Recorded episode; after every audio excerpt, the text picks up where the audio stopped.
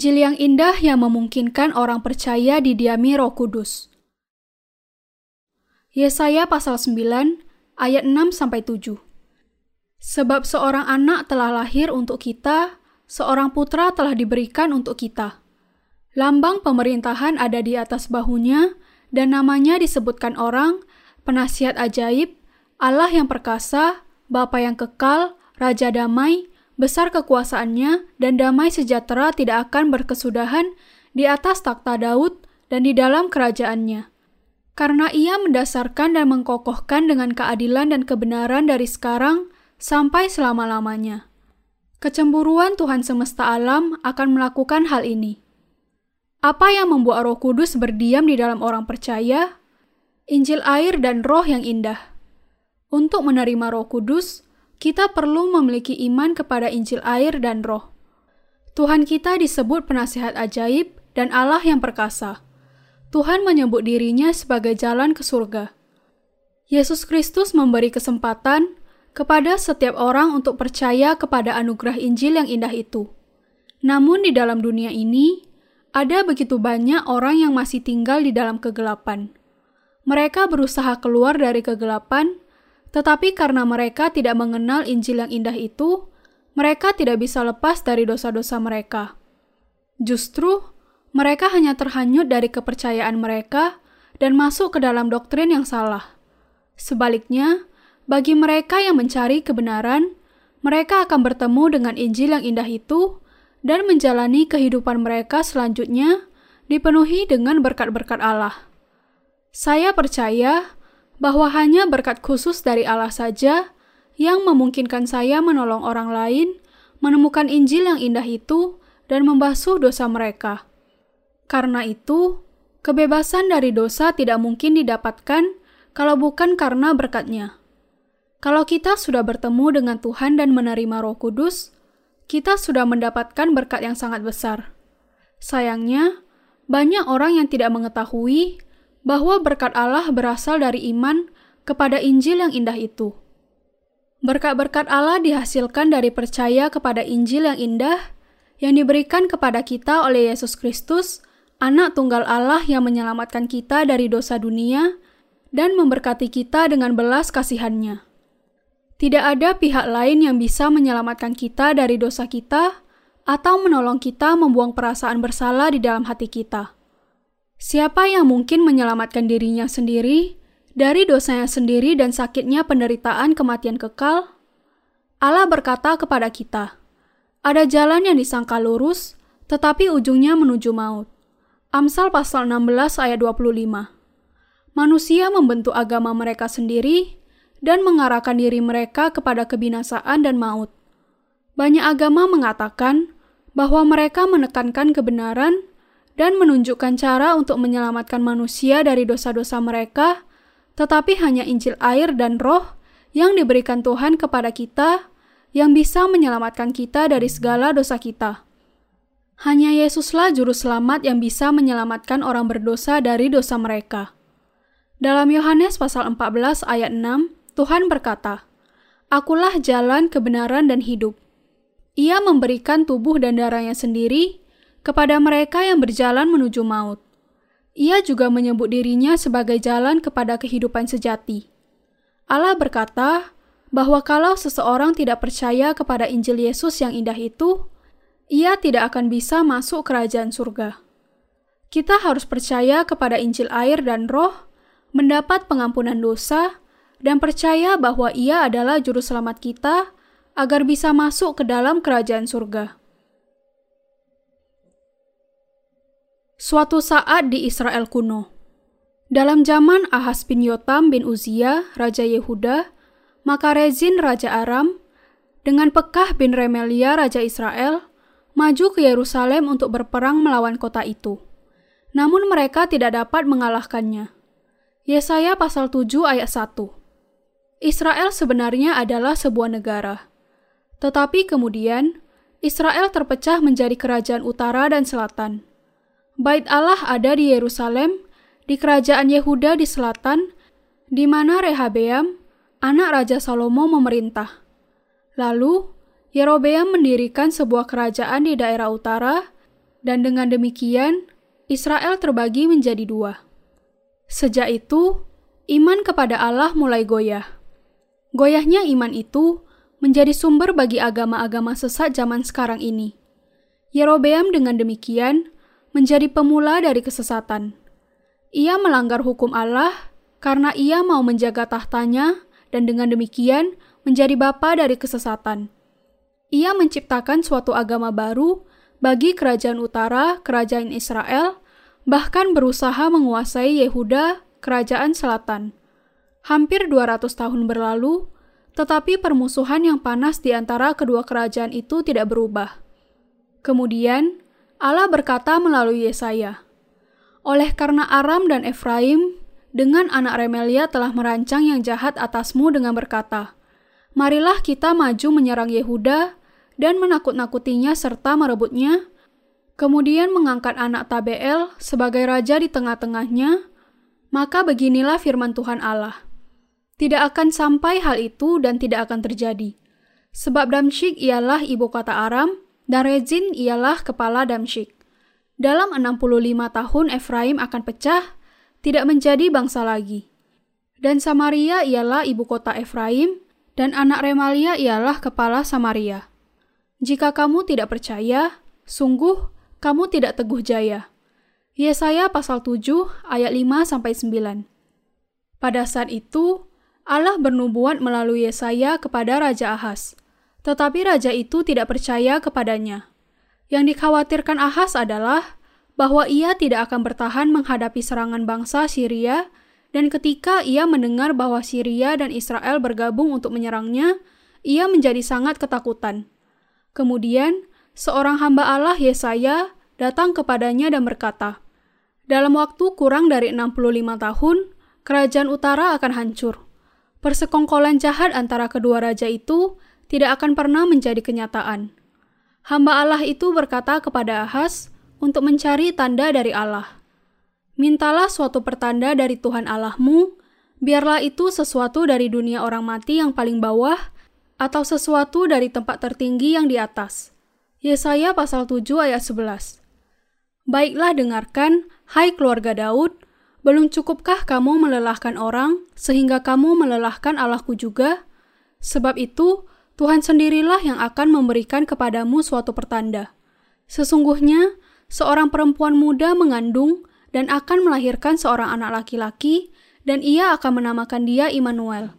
Yesaya pasal 7 ayat 13 sampai 14. Inilah nubuat dari Allah, bahwa ia akan menyelamatkan umatnya dari dosa mereka. Siapakah musuh Allah? Musuh manusia adalah dosa, dan dosa berasal dari iblis. Dan siapakah juru selamat dari dosa-dosa kita? Juru selamat itu tidak lain adalah Yesus Kristus, Anak Allah. Manusia memiliki kelemahan yang sangat mendasar, dan karena itu tidak bisa tidak berbuat dosa. Ia berada di bawah kuasa iblis. Banyak orang masih pergi kepada peramal dan berusaha menjalani kehidupan seperti yang diperintahkan oleh nabi-nabi palsu itu. Ini adalah bukti yang langsung bahwa mereka berada di kendali iblis. Allah memberikan kepada Yesaya bukti-bukti keselamatan dengan berkata bahwa seorang anak darah akan melahirkan seorang anak dan namanya adalah Immanuel. Rencana Allah adalah untuk mengutus Yesus dalam rupa yang sama dengan manusia yang berdosa dan kemudian ia menyelamatkan manusia berdosa dari penindasan iblis. Sesuai dengan nubuat itu, Yesus datang ke dunia ini sebagai manusia dengan dilahirkan oleh anak darah Maria. Kalau Yesus tidak datang kepada kita, kita akan tetap hidup di bawah pemerintahan iblis. Tetapi Yesus datang ke dunia ini dan dibaptiskan oleh Yohanes dan mati di kayu salib untuk memberikan kepada kita Injil yang indah yang akan menyelamatkan orang berdosa dari dosa-dosa mereka. Karena itu, semua yang percaya kepada Injil yang indah itu menerima pengampunan dosa dan menjadi anak-anak Allah. Tetapi sampai sekarang, banyak teolog yang berdebat mengenai apakah Yesus itu Allah atau manusia. Teolog-teolog konservatif berkata, Yesus adalah Allah. Tetapi beberapa penganut teologi baru menolak dengan mengatakan bahwa Yesus adalah anak tidak sah dari Yusuf, betapa menyedihkannya pendapat itu. Beberapa penganut teologi baru berkata bahwa mereka tidak percaya bahwa Yesus memiliki kemampuan berjalan di atas air. Mereka berkata, Yesus sebenarnya berjalan di sebuah bukit yang rendah di balik horizon dan murid-murid Yesus yang melihatnya dari jauh, melihat seolah-olah ia berjalan di atas air. Doktor-doktor teologi masa kini yang termasuk ke dalam teologi baru, tidak semuanya termasuk teolog yang hebat. Kebanyakan dari mereka memilih untuk percaya Alkitab hanya kepada apa yang masuk akal kepada mereka. Sebagai contoh lain, Alkitab berkata bahwa Yesus memberi makan 5.000 orang dengan dua ikan dan lima roti. Tetapi mereka tetap saja meragukan mujizat ini. Mereka menjelaskannya demikian. Banyak orang yang mengikut Yesus dan kelaparan. Karena itu, Yesus menyuruh murid-muridnya untuk mengumpulkan semua makanan yang tersisa. Lalu seorang anak memberikan kepadanya makanannya. Kemudian, orang-orang lain mulai mengeluarkan bekal mereka sendiri-sendiri dan makan. Setelah semua makan, sisanya dikumpulkan dan terkumpullah 12 keranjang. Teolog-teolog seperti itu hanya berusaha membuat firman Allah sesuai dengan pikiran mereka sendiri yang sangat terbatas. Percaya kepada kebenaran Allah berarti memiliki iman kepada Injil yang indah yang diberikan Allah. Iman bukan berarti percaya kepada sesuatu yang masuk akal, tetapi percaya kepada sesuatu yang tidak masuk akal. Kita bisa mengerti atau tidak, kita tetap harus percaya kepadanya dan menerima firman-Nya sebagaimana yang tertulis. Fakta bahwa Yesus datang kepada kita sebagai anak manusia berarti bahwa Ia diutus untuk menyelamatkan kita dari segala dosa kita. Yesus yang adalah Allah datang ke dunia ini untuk menyelamatkan kita. Yesus sudah menubuatkan bahwa Ia akan datang kepada kita sebagai anak manusia yang dilahirkan dari seorang anak darah. Dalam Kejadian pasal 3 ayat 15, Tuhan Allah berkata kepada ular, Aku akan mengadakan permusuhan antara engkau dan perempuan ini, antara keturunanmu dan keturunannya. Keturunannya akan meremukkan kepalamu, dan engkau akan merumukkan tumitnya. Ini berarti bahwa Allah sudah merencanakan untuk mengutus Yesus datang sebagai manusia, sebagai juru selamat untuk menyelamatkan manusia dari segala dosa mereka. Dalam Alkitab tertulis, Hai maut, di manakah kemenanganmu? Hai maut, di manakah sengatmu? Sengat maut ialah dosa, dan kuasa dosa ialah hukum Taurat. 1 Korintus pasal 15 ayat 55 sampai 56. Sengat maut adalah dosa. Ketika seseorang berdosa, maut menjadikannya sebagai hambanya. Tetapi Tuhan berjanji, keturunan perempuan itu akan meremukkan kepalamu. Itu berarti bahwa Yesus akan menghancurkan sengat dosa yang dibawa iblis. Yesus datang ke dunia ini, dibaptiskan untuk menanggung segala dosa dunia, dan disalibkan untuk menghakimi bagi dosa-dosa itu. Ia menyelamatkan semua yang percaya kepada Injil yang indah itu. Ketika Adam dan Hawa berdosa, Allah berjanji untuk menyelamatkan manusia dari kuasa iblis. Dalam dunia modern, musuh Allah adalah mereka yang tidak percaya kepada Injil yang indah itu. Mengapa Yesus dilahirkan ke dunia? Allah memberikan kepada kita hukum dan Injil yang indah itu untuk menyelamatkan kita dari dosa kita. Di bawah hukum Allah, manusia berdosa di hadapannya. Demikian juga, hukum diberikan supaya manusia mengenal dosanya. Pada saat manusia menjadi hamba dosa dan hamba hukum, Tuhan datang ke dunia ini untuk menggenapi persyaratan kebenaran hukum itu. Yesus dilahirkan di bawah hukum Taurat. Alasan mengapa manusia membutuhkan hukum Taurat adalah karena agar bisa menerima pengampunan dosa. Orang hanya akan membersihkan kotoran dari baju mereka kalau mereka tahu adanya kotoran itu. Demikian juga, untuk mengetahui dosa mereka, manusia harus mengetahui hukum Allah. Kalau tidak ada hukum Taurat, tidak akan ada perasaan dosa dan Yesus perlu datang ke dunia ini. Kalau Anda mengenal hukum Allah, maka Anda mendapatkan kesempatan untuk bertemu dengan Dia. Kita mengenal hukum Taurat, dan karena itu kita mampu mengenal dosa-dosa kita. Hanya setelah kita mengenal dosa-dosa kita, Yesus Kristus memberikan Injil yang indah itu untuk kita percayai. Kalau Allah tidak memberikan hukum Taurat kepada kita, kita tidak akan menjadi orang berdosa dan penghukuman tidak akan ada. Karena itu, Allah memberikan hukum Taurat kepada kita dan memperhadapkan kita kepada Injil yang indah itu untuk menyelamatkan semua orang berdosa dari dosa-dosa mereka.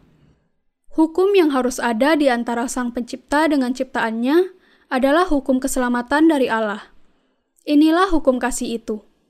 Allah berkata kepada manusia, "Tetapi pohon pengetahuan tentang yang baik dan yang jahat itu, janganlah kau makan buahnya." Kejadian pasal 2 ayat 17. Inilah hukum yang dianugerahkan Allah kepada kita. Dan hukum itu menjadi dasar dari kasih yang dengannya Allah menyelamatkan kita dari segala dosa kita. Hukum keselamatan berdasar kepada pengampunan dosa-dosa kita. Allah mengatakan bahwa Ia adalah pencipta kita dan segala sesuatu menjadi ada sesuai dengan kehendaknya. Ini berarti bahwa Allah adalah keberadaan yang mutlak dan manusia harus percaya kepada hukum keselamatan yang digenapi melalui Injil yang indah itu. Allah yang mutlak adalah mutlak kebaikannya. Kasih Allah bagi dunia ini mendorongnya untuk mengorbankan anak tunggalnya yang menjadi juru selamat bagi semua orang berdosa. Kalau Allah menciptakan kita dan tidak memberikan Injil yang indah itu kepada kita untuk menyelamatkan kita dari dosa, kita akan mengeluh kepadanya. Tetapi Allah berkehendak untuk menyelamatkan kita dari kehancuran dan kemudian menetapkan hukum keselamatan. Melalui hukum itu, kita bisa menyadari dosa-dosa kita dan dengan melihat hal itu, mulai percaya kepada Injil Yesus yang indah itu. Pada saat kita melanggar firman Allah, kita membuktikan diri sebagai orang berdosa di depan hukum, dan kemudian sebagai orang berdosa, kita bersujud memohon belas kasihannya dan pengampunan dosa di hadapan Allah. Yesus dilahirkan dari seorang wanita dan datang ke dunia ini untuk menyelamatkan manusia dari dosa. Yesus datang ke dunia ini sebagai manusia untuk menggenapkan rencana Allah bagi kita. Kita percaya kepada Injilnya yang indah itu. Karena itu, kita memuliakan Tuhan. Beberapa orang mengeluh, Mengapa Allah membuat saya begitu lemah sehingga saya mudah jatuh ke dalam dosa dan begitu menderita karena pelanggaran? Tetapi Allah tidak pernah menghendaki kita menderita. Ia membiarkan kita menderita karena kita ragu-ragu kepada Injil Yesus.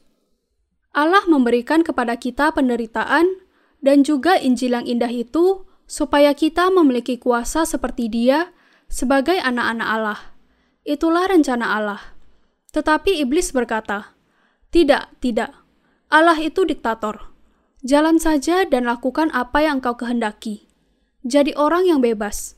Cari kebaikan dengan usahamu sendiri." Iblis juga berusaha untuk menutupi kepercayaan manusia kepada Allah. Tetapi mereka yang memilih terpisah dari Allah terhalang dari rencana keselamatannya. Yesus datang ke dunia ini dan memanggil mereka yang berada di bawah kuasa iblis untuk meninggalkan dosa-dosa mereka. Kita tidak boleh hidup terpisah dari Allah. Manusia dilahirkan dalam keadaan berdosa dan ditentukan masuk neraka. Tidak ada kebenaran di dunia yang tidak akan berubah. Tetapi kebenaran Injil Yesus yang indah itu adalah kebenaran yang kekal. Karena itu, manusia bisa bersandar kepada kebenaran itu dan dibebaskan dari kuasa iblis manusia mewarisi dosa dari Adam dan Hawa, dan tanpa campur tangan Kristus, manusia akan masuk ke dalam api neraka. Tetapi karena pengorbanannya, manusia diberkati dengan kuasa untuk menjadi anak Allah.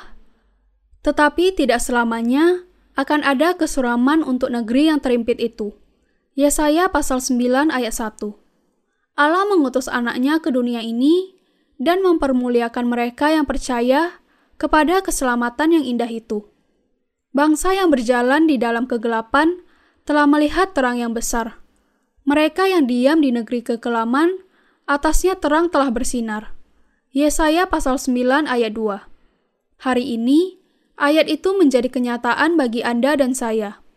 Dengan percaya kepada Injil yang indah itu, kita diberkati dengan kehidupan kekal yang tidak akan bisa kita miliki di dalam dunia ini. Yesus Kristus menyelamatkan manusia dari segala dosa dunia, dan kepada mereka yang percaya kepada Injil yang indah itu, Ia memberikan hidup kekal di kerajaan surga. Ia memberikan terang Injil kepada mereka yang tidak berpengharapan. Manusia, seperti uap, ada di dunia hanya untuk sekejap dan sesudah itu lenyap. Kehidupannya adalah seperti rumput. Rumput tetap hidup hanya selama beberapa bulan dalam setahun dan kemudian akan lenyap sesuai dengan pemeliharaan Allah. Segala sesuatu yang ada di dalam hidup kita hanyalah sia-sia seperti bunga rumput itu. Tetapi Allah memberikan kepada kita Injil yang indah, kepada jiwa kita yang putus asa, dan dengan kebenarannya menjadikan kita anak-anaknya. Betapa ajaib anugerah itu! Hidup kita yang tidak berarti menjadi hidup kekal karena kasih Allah dan kita juga diberi hak untuk menjadi anak-anaknya. Di bawah ini, ada sebuah pengakuan dari seseorang yang sudah diberkati Allah dengan percaya kepada Injil yang indah itu. Saya dilahirkan dalam sebuah keluarga yang tidak percaya kepada Allah.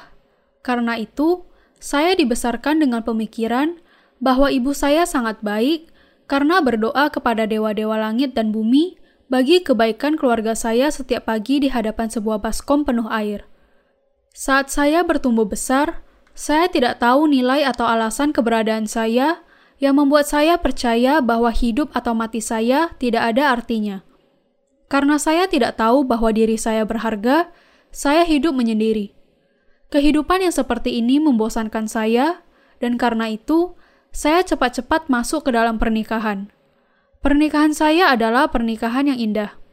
Saya memang tidak mengharapkan apa-apa, sehingga saya menjalani kehidupan yang tenang dan biasa-biasa saja. Lalu kami memiliki seorang anak, dan sejak itu saya merasakan munculnya kasih di dalam kehidupan saya. Saya mulai kehilangan kehendak-kehendak yang mementingkan diri sendiri, tetapi saya juga mulai takut kehilangan orang-orang yang sangat dekat dengan saya. Karena itu, saya mulai mencari Allah. Saya sangat rentan dan tidak mampu, dan karena itu membutuhkan keberadaan yang mutlak yang akan menjaga orang-orang yang saya kasihi. Karena itu, saya mulai datang ke sebuah gereja, tetapi iman saya hanya sedikit berbeda dengan yang dimiliki ibu saya di depan baskom air itu. Doa saya juga hanya didasarkan kepada ketakutan dan harapan yang semu. Suatu saat, saya datang ke sebuah pertemuan kelompok kecil yang diadakan di gereja lokal itu. Dan pada saat saya berdoa, air mata mulai mengalir di pipi saya. Saya merasa sangat malu dan mencoba menghentikannya. Tetapi air mata itu tetap saja mengalir.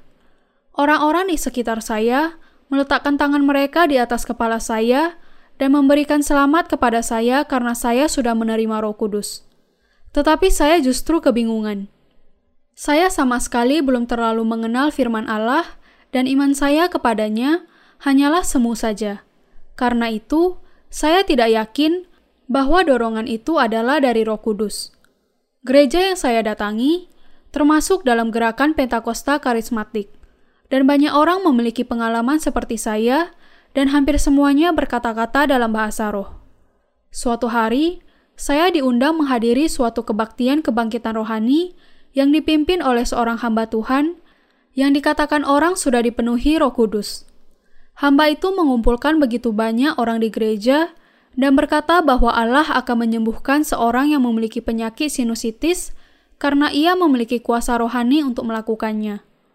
Tetapi saya berpikir bahwa sinusitis adalah sebuah penyakit yang memang sangat mudah sembuh di rumah sakit. Karena itu, saya lebih tertarik kepada bagaimana ia menerima Roh Kudus. Tetapi setelah hamba Tuhan itu nampak berhasil dalam penyembuhan, ia mulai berkata bahwa ia bisa mengetahui apakah seorang siswa SMA akan berhasil atau tidak dalam ujian masuk perguruan tinggi atau tidak. Banyak orang memuji kemampuannya dan merasa bahwa itu berasal dari Allah. Tetapi saya tidak bisa memahami dia. Dan saya tidak merasa pasti bahwa kemampuan yang dimiliki hamba Tuhan itu ada hubungannya dengan Roh Kudus. Bagi saya, tidak penting apakah ia bisa menyembuhkan sinusitis atau tidak, atau meramalkan keberhasilan orang lain dalam ujian. Karena itu, saya tidak terlalu percaya bahwa apa yang dilakukannya berasal dari Roh Kudus. Kuasa dan kasih Allah yang ada di dalam pikiran saya berbeda dengan apa yang saya lihat. Karena itu, saya berhenti beribadah di gereja dan menghindari orang-orang yang percaya kepada kuasa hamba Tuhan itu. Setelah itu, saya pergi ke gereja yang ibadahnya lebih tenang, yang saya pilih karena saya yakin gereja itu lebih banyak memfokuskan kepada firman Allah. Saya belajar mengenai hukum Taurat, dan melalui itu saya merasa bahwa saya sangat berdosa. Allah menjadi objek ketakutan saya, dan saya melihat bahwa saya tidak bisa tampil layak di hadapannya, dan bahwa rohnya nampak seperti mengabaikan saya. Dalam Yesaya pasal 59 ayat 1 sampai 2 tertulis, Sesungguhnya tangan Tuhan tidak kurang panjang untuk menyelamatkan dan pendengarannya tidak kurang tajam untuk mendengar. Tetapi yang merupakan pemisah antara kamu dan Allahmu ialah segala kejahatanmu. Dan yang membuat dia menyembunyikan diri terhadap kamu sehingga ia tidak mendengar ialah segala dosamu. Ayat itu sangat tepat dengan situasi saya. Sangat tidak mungkin bagi saya untuk menjadi anaknya dan menerima roh kudus karena segala sesuatu yang saya lakukan atau pikirkan adalah dosa. Saya takut kepada Allah dan secara tekun menaikkan doa pertobatan. Tidak ada seorang pun yang mengajari saya, tetapi saya mau terus ada dalam keadaan berharga di mata Tuhan. Karena saya penuh dosa, saya semakin banyak menaikkan doa pertobatan. Tetapi doa-doa itu tidak bisa membasuh dosa saya. Yang saya lakukan hanyalah menunjukkan kepadanya pikiran dan ketulusan saya, sehingga dosa saya masih tinggal di dalam saya. Sejak itu, saya mulai mengeluh kepada Allah.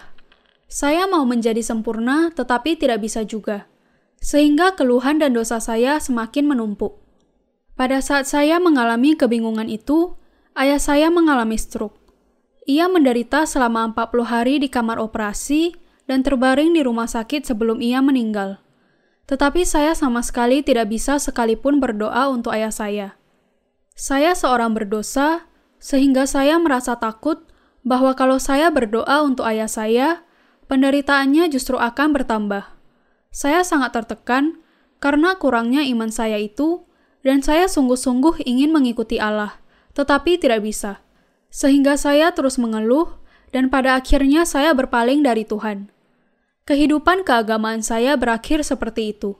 Saya berpikir bahwa kalau saya percaya kepadanya, Roh Kudus akan berdiam di dalam saya, dan saya akan mendapatkan kedamaian. Tetapi hal itu tidak terjadi. Setelah itu, kehidupan saya menjadi semakin tidak berarti dan saya hidup dalam ketakutan serta tidak bahagia. Tetapi Tuhan tidak meninggalkan saya. Ia membuat saya bertemu seorang percaya yang telah sungguh-sungguh menerima Roh Kudus melalui firman Allah.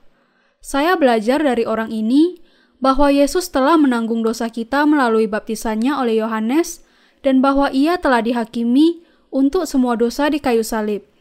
Karena itu, segala dosa dunia, termasuk dosa saya, telah diampuni.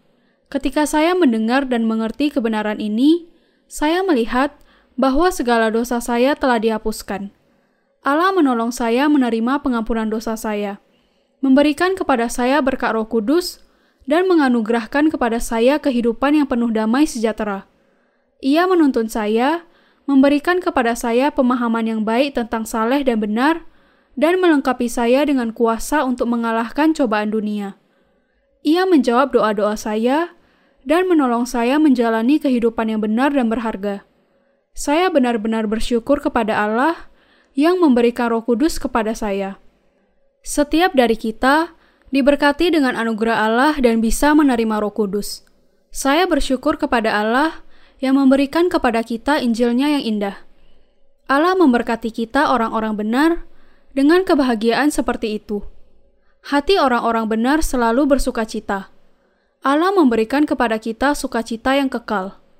Kita mengetahui betapa berharganya keselamatan, kasih, dan anugerah Allah, dan kita sangat bersyukur karena itu.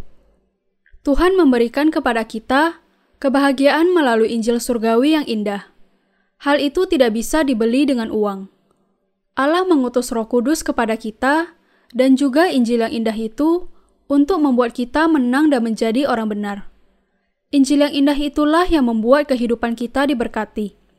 Tuhan memberikan kepada kita Injil yang indah itu, dan Ia bersuka cita bahwa orang-orang benar menjalani kehidupan penuh kebahagiaan. Seperti yang tercatat dalam Lukas, Maria berkata, "Sebab bagi Allah tidak ada yang mustahil. Sesungguhnya aku ini adalah hamba Tuhan. Jadilah padaku menurut perkataanmu itu." Lukas pasal 1 ayat 37 sampai 38. Pada saat Maria percaya kepada firman Allah yang indah yang dikatakan oleh malaikat, Yesus mulai dikandung. Demikian juga, melalui iman mereka, orang-orang benar mengandung Injil yang indah itu di dalam hati mereka. Sebabku yang menekannya, dan gandar yang di atas bahunya, serta tongkat si penindas telah kau patahkan, seperti pada hari kekalahan Midian. Yesaya pasal 9 ayat 3 Iblis menyebabkan segala tekanan, sakit, dan penindasan di dalam kehidupan kita. Tetapi kita terlalu lemah untuk mengalahkannya. Tetapi Allah mengasihi kita, dan karena itu Ia berperang melawan iblis dan mengalahkannya. Sebab seorang anak telah lahir untuk kita, seorang putra telah diberikan untuk kita. Lambang pemerintahan ada di atas bahunya, dan namanya disebutkan orang, penasihat ajaib, Allah yang perkasa, Bapa yang kekal, Raja damai, besar kekuasaannya, dan damai sejahtera tidak akan berkesudahan di atas takhta Daud dan di dalam kerajaannya. Karena ia mendasarkan dan mengkokohkannya dengan keadilan dan kebenaran dari sekarang sampai selama-lamanya. Kecemburuan Tuhan semesta alam akan melakukan hal ini. Yesaya pasal 9 ayat 6 sampai 7. Allah berjanji untuk mempermuliakan anak-anaknya melalui Injil yang indah yang dibawa oleh Yesus. Ia mengalahkan iblis sesuai dengan janjinya dan membebaskan kita dari kuasa iblis. Tuhan datang ke dunia ini dan dengan kuasanya berjanji untuk menghapuskan kegelapan dosa. Karena itu, kita bisa menyebut Tuhan kita sebagai Dia yang ajaib. Ia melakukan banyak keajaiban bagi kita. Keputusan Allah untuk datang ke dunia ini sebagai anak manusia adalah sebuah misteri. Marilah Baiklah kita berperkara. Firman Tuhan, sekalipun dosamu merah seperti kirmizi, akan menjadi putih seperti salju. Sekalipun berwarna merah seperti kain kesumba, akan menjadi putih seperti bulu domba. Yesaya pasal 1 ayat 18. Tuhan berjanji untuk menyelamatkan kita dari dosa kita dan memberikan kepada kita pengampunan kekal. Yesus disebut sebagai ajaib dan ia melakukan karya-karya yang sangat ajaib bagi kita. Namanya disebutkan orang penasehat, Allah yang perkasa. Sebagai penasehat, Allah merencanakan keselamatan kita melalui Injil yang indah dan melaksanakan rencananya untuk menyelamatkan kita selama-lamanya dari dosa kita.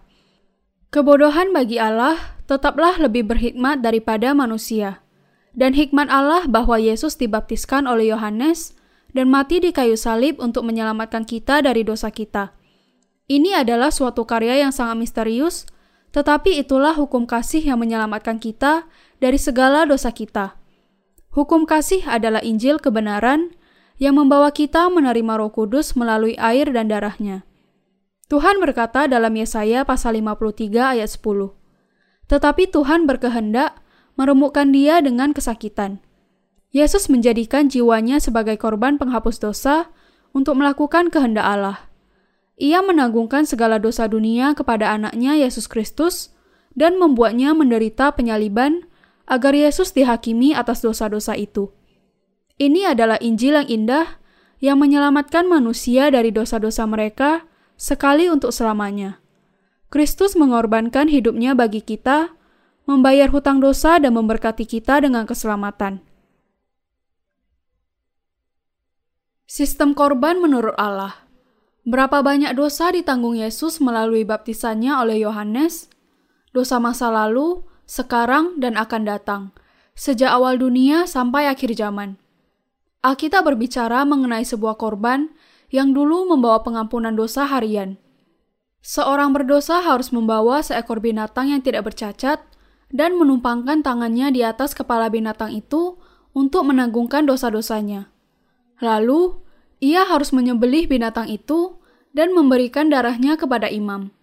Lalu imam mengambil sebagian darah itu dan meletakkannya di tanduk mesbah korban bakaran dan menuangkan sisanya ke bawah mesbah itu.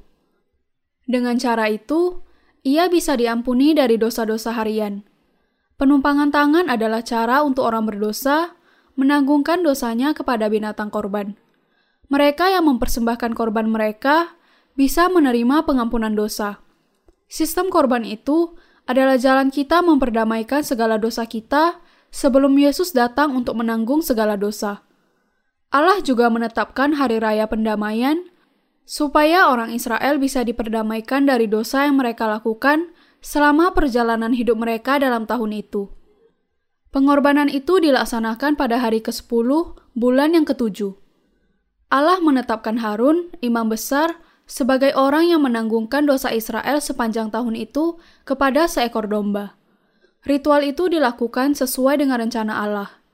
Pengampunan dosa datang dari hikmat dan kasihnya kepada manusia. Inilah kuasanya. Tanuk mesbah korban bakaran adalah kitab penghakiman. Wahyu pasal 20 ayat 12 di mana dosa-dosa manusia dicatat. Alasan mengapa imam meletakkan darah korban penghapus dosa di tanduk mesbah itu adalah untuk menghapus nama-nama dan pelanggaran-pelanggaran yang tertulis di dalam kitab penghakiman. Darah adalah kehidupan semua makhluk. Korban itu menghapuskan dosa Israel, dan domba korban disembelih untuk membayar hutang dosa. Allah menyuruh mereka menyembelih binatang korban untuk menerima penghakiman bagi dosa-dosa mereka. Inilah tanda hikmat dan kasihnya kepada kita. Yesus Kristus datang ke dunia ini sebagai korban bagi dosa untuk menggenapi rencana Allah. Yesus menanggung segala dosa dunia melalui pengorbanannya. Kalau kita melihat janjinya, kita bisa melihat.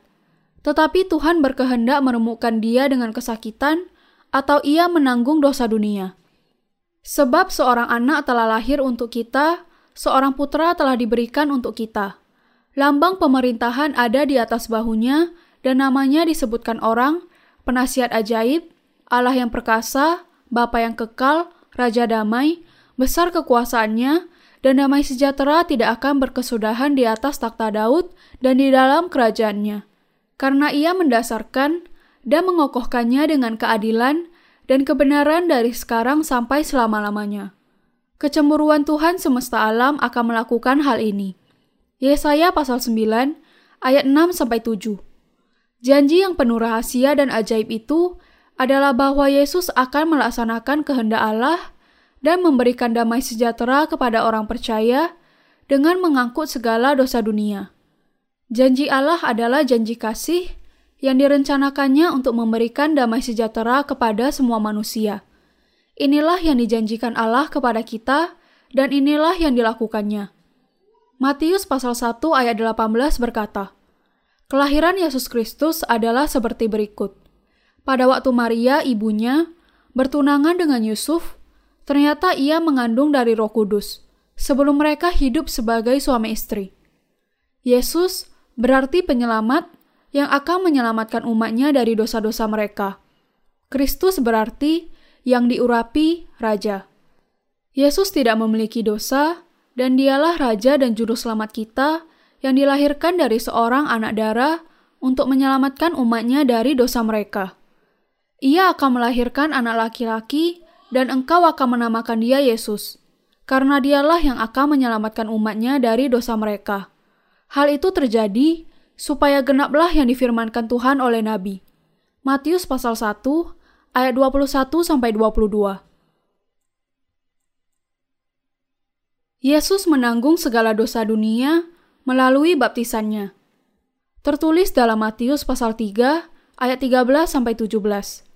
Maka datanglah Yesus dari Galilea ke Yordan kepada Yohanes untuk dibaptis olehnya. Tetapi Yohanes mencegah dia katanya, Akulah yang perlu dibaptis olehmu dan engkau yang datang kepadaku? Lalu Yesus menjawab, katanya kepadanya, Biarlah hal itu terjadi, karena demikianlah sepatutnya kita menggenapkan seluruh kehendak Allah. Dan Yohanes pun menurutinya. Sesudah dibaptis, Yesus segera keluar dari air dan pada waktu itu juga langit terbuka dan ia melihat roh Allah seperti burung merpati turun ke atasnya. Yohanes Pembaptis muncul dalam bagian ayat ini. Mengapa Yesus harus dibaptiskan oleh Yohanes? Yesus harus dibaptiskan untuk menanggung dosa dunia, dan hal itu adalah sesuai dengan rencana Allah. Lambang pemerintahan ada di atas bahunya. Yesaya pasal 9 ayat 6. Di sini, pemerintahan berarti bahwa Yesus adalah dia yang memiliki otoritas dan kuasa sebagai penguasa surga, raja atas dunia. Kuasa seperti ini hanya diberikan kepada Yesus Kristus. Yesus melakukan suatu tindakan yang sangat luar biasa untuk menanggung dosa semua manusia. Tindakan yang ajaib itu adalah bahwa dia dibaptiskan oleh Yohanes. Yang dimaksudkannya oleh Yesus adalah demikianlah digenapi segala kebenaran, yaitu untuk menghapuskan segala dosa manusia.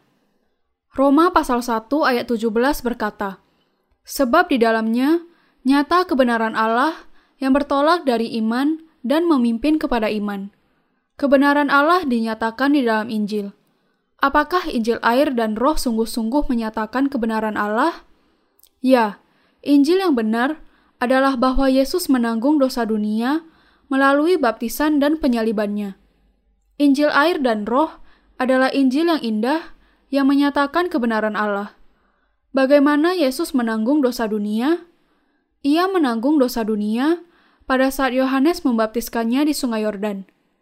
Segala kebenaran adalah pishan dikyoshinin dalam bahasa Yunani. Ini berarti bahwa Yesus menanggung segala dosa manusia dengan cara yang paling adil dan ajaib. Itu berarti bahwa pembasuhan segala dosa oleh Yesus sungguh-sungguh benar dan adil. Yesus harus dibaptiskan oleh Yohanes untuk menghapuskan dosa dunia. Allah tahu bahwa baptisan Yesus sangat diperlukan untuk memberikan damai sejahtera kepada manusia. Yesus tidak bisa menjadi juru selamat kita kalau ia tidak dibaptiskan oleh Yohanes dan mencurahkan darahnya di kayu salib. Yesus melayani sebagai korban penghapus dosa dalam menanggung dosa dunia. Allah berkata dalam Yesaya pasal 53 ayat 6, Kita sekalian sesat seperti domba, masing-masing kita mengambil jalannya sendiri tetapi Tuhan telah menimpakan kepadanya kejahatan kita sekalian. Yesus harus menerima segala dosa dunia untuk melakukan kehendak Allah. Inilah alasan mengapa Yesus datang sebagai korban penghapus dosa di dalam rupa manusia dan dibaptiskan oleh Yohanes. Yesus harus menerima segala dosa manusia dan dihakimi untuk dosa-dosa itu agar ia bisa memenuhi rencana Allah dan mengekspresikan kasihnya yang tidak pernah berakhir.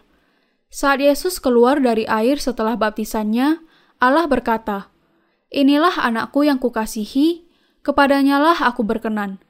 Matius pasal 3 ayat 17 Seorang anak lahir bagi kita. Sebab seorang anak telah lahir untuk kita, seorang putra telah diberikan untuk kita. Lambang pemerintahan ada di atas bahunya, dan namanya disebutkan orang, penasihat ajaib, Allah yang perkasa, Bapa yang kekal, Raja damai. Yesaya pasal 9 ayat 6. Yesus adalah anak Allah. Yesus adalah Allah pencipta yang menciptakan alam semesta. Dia tidak hanya anak Allah yang maha tinggi, ia juga pencipta dan Raja damai. Yesus adalah Allah yang memberikan kebahagiaan kepada manusia. Yesus adalah Allah kebenaran. Ia menanggung segala dosa kita, menyelamatkan kita, dan memberikan damai sejahtera kepada kita. Apakah masih ada dosa di dalam dunia ini? Tidak ada lagi dosa di dunia ini. Alasan mengapa kita bisa dengan yakin berkata bahwa tidak ada lagi dosa adalah karena kita percaya kepada Injil yang indah itu yang mengatakan bahwa Yesus sudah menghapuskan segala dosa melalui baptisan Yesus dan darahnya di kayu salib. Yesus membayar hutang dosa melalui baptisan Yesus dan darahnya di kayu salib. Yesus tidak berdusta kepada kita. Yesus membayar hutang dosa melalui baptisan dan darahnya. Ia menjadikan semua orang yang percaya menjadi anak-anaknya dan memberikan damai sejahtera kepada kita. Ia menjadikan kita hidup sebagai anak-anak yang telah dikuduskannya di dalam iman untuk selama-lamanya. Saya memuji Tuhan dan bersyukur kepadanya. Lihatlah anak domba Allah yang menghapus dosa dunia. Yohanes pasal 1 ayat 29 berkata, Pada keesokan harinya, Yohanes melihat Yesus datang kepadanya dan ia berkata, Lihatlah anak domba Allah yang menghapus dosa dunia. Yesus Kristus muncul kembali di hadapan Yohanes Pembaptis sehari setelah ia menanggung dosa seluruh dunia melalui baptisannya. Yohanes Pembaptis memberikan kesaksian tentang Yesus dengan berkata, Lihatlah anak domba Allah yang menghapus dosa dunia. Kemudian, ia memberikan kesaksian sekali lagi di dalam Yohanes pasal 1 ayat 35 sampai 36. Pada keesokan harinya, Yohanes berdiri di situ pula dengan 20 muridnya. Dan ketika ia melihat Yesus lewat, ia berkata, "Lihatlah anak domba Allah." Yesus adalah Mesias yang datang sebagai anak domba Allah, seperti yang dijanjikan Allah di dalam Perjanjian Lama. Yesus Kristus Mesias datang kepada kita sebagai penasihat yang ajaib dan Allah yang perkasa dan dibaptiskan untuk menyelamatkan kita dari segala dosa kita. Seorang anak telah lahir untuk kita. Ia menerima segala dosa dunia melalui baptisannya oleh Yohanes, membayar hutang dosa, dan menjadi raja damai yang memberikan damai sejahtera dan pengampunan atas segala dosa kita. Lihatlah anak domba Allah yang menghapus dosa dunia.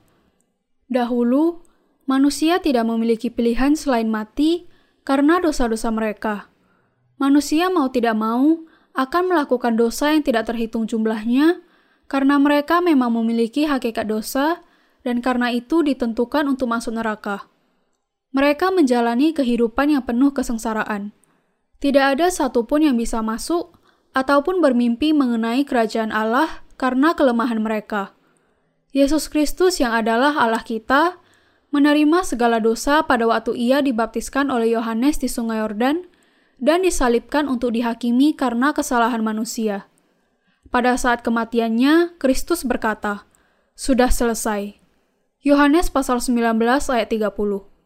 Inilah seruan dan kesaksiannya atas kenyataan bahwa ia menyelamatkan manusia dari dosa dan maut dan bahwa ia sungguh-sungguh membebaskan mereka yang percaya kepada Injil yang indah itu.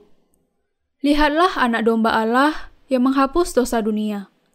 Apakah Anda tahu di manakah dosa-dosa dunia saat ini? Dosa-dosa itu telah ditanggungkan kepada tubuh Yesus, bukan? Di manakah dosa-dosa dan pelanggaran yang membuat kita rendah di dunia ini? Semuanya diserahkan kepada Yesus Kristus.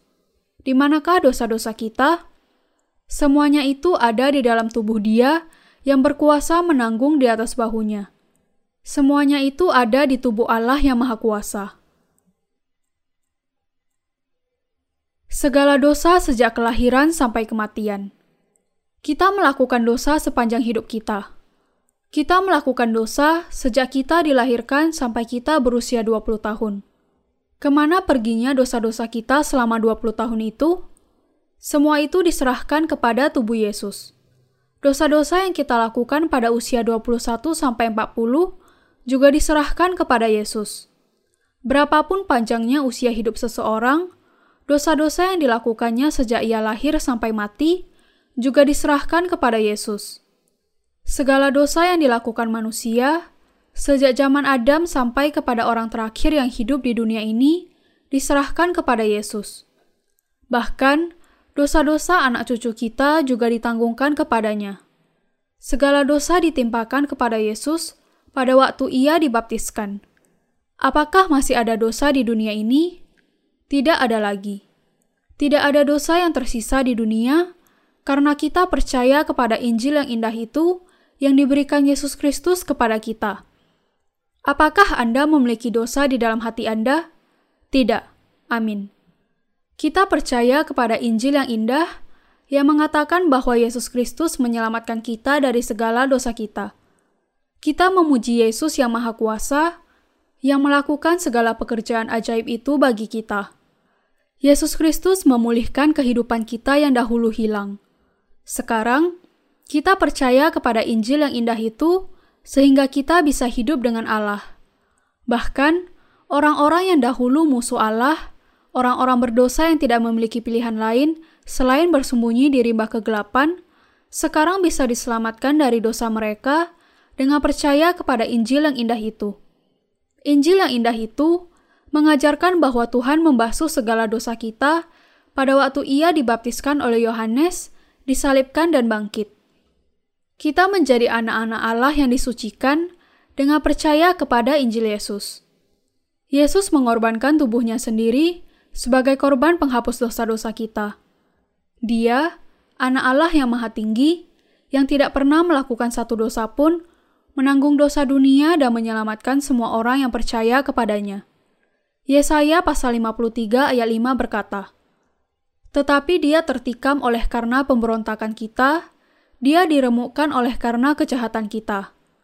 Yesus menanggung dosa dunia, termasuk dosa asal dan dosa tindakan, dan sama sekali tidak meninggalkan satu pelanggaran pun.